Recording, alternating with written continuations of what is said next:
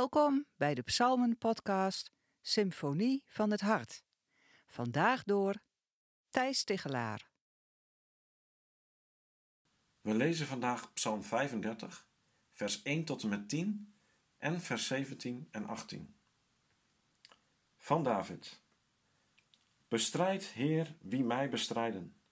Vecht tegen wie mij bevechten. Wapen u, grijp het schild. Sta op om mij te helpen.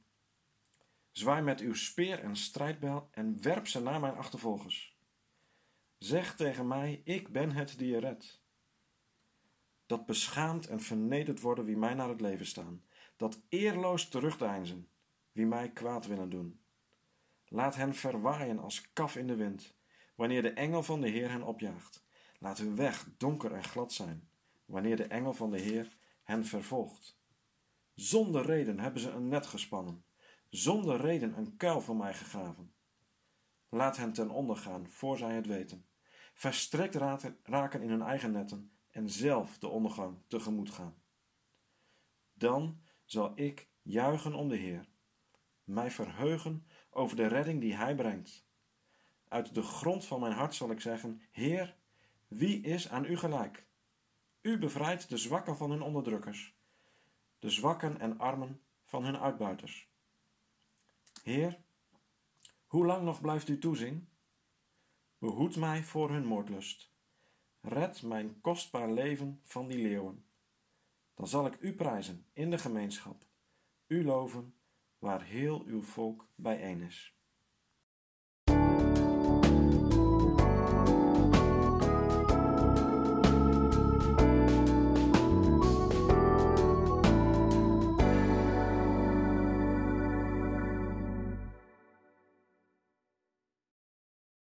De frustratie die je voelt als je wordt uitgelachen. En dan niet in de ontspannen sfeer door je vrienden of je familie, maar het filijne en smalende uitlachen van degenen die jou dag in dag uit bestoken, met steken en sneren, zonder dat jij je kan verweren. Zoals de collega's waarvan je weet dat ze ervan smullen als jij faalt. Of de klasgenoten die zich erop verheugen dat jij onderuit gaat. Of de buren die handen wrijvend klaarstaan om jouw pootje te lichten en jij bent weerloos. Ik kan me nog een paar momenten herinneren dat ik met deze onbeschaamde, brutale, arrogante vorm van haat te maken heb gehad. En ik zal ze nooit vergeten. Ik hoef maar een paar spaden af te steken in mijn geheugen om weer heel dicht bij de ziedende woede te komen die ik toen voelde. Razend word je ervan. En ik weet nog steeds niet wat de razernij in mij het sterkste aanwakkerde, was dat de diep frustrerende weerloosheid van mijzelf? Of die lage, verachtelijke weerloosheid, eerloosheid van de anderen? Psalm 35 gloeit van razernij. En om precies diezelfde twee oorzaken. Enerzijds het gevoel van weerloosheid en anderzijds het zien van eerloosheid.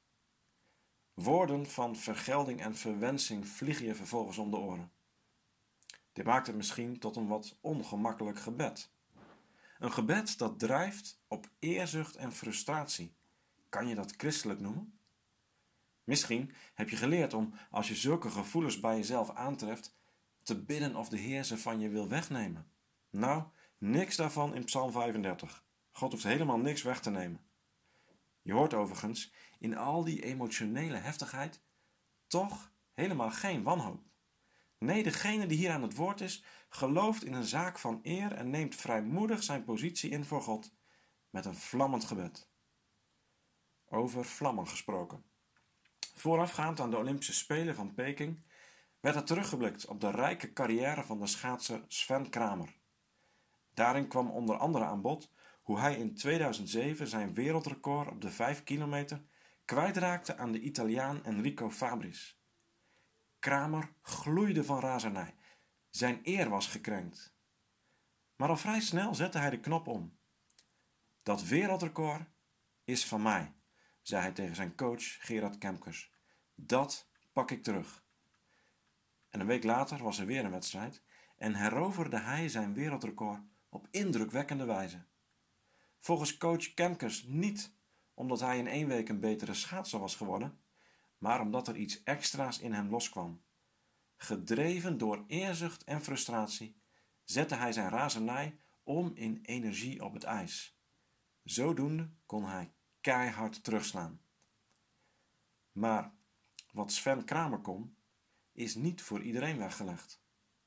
Integendeel, weerlozen kunnen per definitie niet terugslaan. Dat is precies de diepe frustratie in deze psalm. Toch biedt deze psalm een route aan in die eerzuchtige lijn van Sven Kramer, die ook de weerloze kan bewandelen. Zet de energie van je razernij om in een vlammend gebed. Houd vast aan de zaak van eer en bid. God verhoede dat de weerloze in handen valt van de eerloze. Heer, sla die eerloze neer en houd de weerlozen veilig in uw hand. Als de Heer Jezus zelf, kort voor zijn lijden, de frustratie van deze psalm aanhaalt in Johannes 15, dan spreekt hij daar over de haat van de wereld en de hulp van een andere pleitbezorger. Dit op het oog ongemakkelijke en haast onchristelijke gebed krijgt daarmee een plek dichtbij het hart van het evangelie. Misschien vind jij het een rare psalm, die je maar lastig kan bidden omdat die razernij zo ver van jouw gemoedelijke leventje afstaat. Maar de Heer Jezus zelf en die andere pleitbezorger, de geest van de waarheid, staan naast je en bidden Psalm 35 met je mee. Misschien kan jij op jouw beurt gaan staan naast een van die miljoenen weerlozen die onze wereld rijk is. Misschien kan je je kwaad maken over de eerloosheid van de levensstijl van zoveel anderen. Als je een beetje eerzucht kent, kan je deze psalm meebidden. Er zijn weinig psalmen waarin de frustratie zo hardnekkig de boventoon blijft voeren als hier in Psalm 35. Maar toch hoor je uiteindelijk vertrouwen. De psalmist zal de Heer weer prijzen, want hij kent de eer van God. En daar houdt hij aan vast. Als de weerloze ergens veilig is, dan is het wel bij de Heer. Hij bevrijdt de zwakken. Wie is aan hem gelijk? Die eer, die is van hem. Die krijgt hij terug.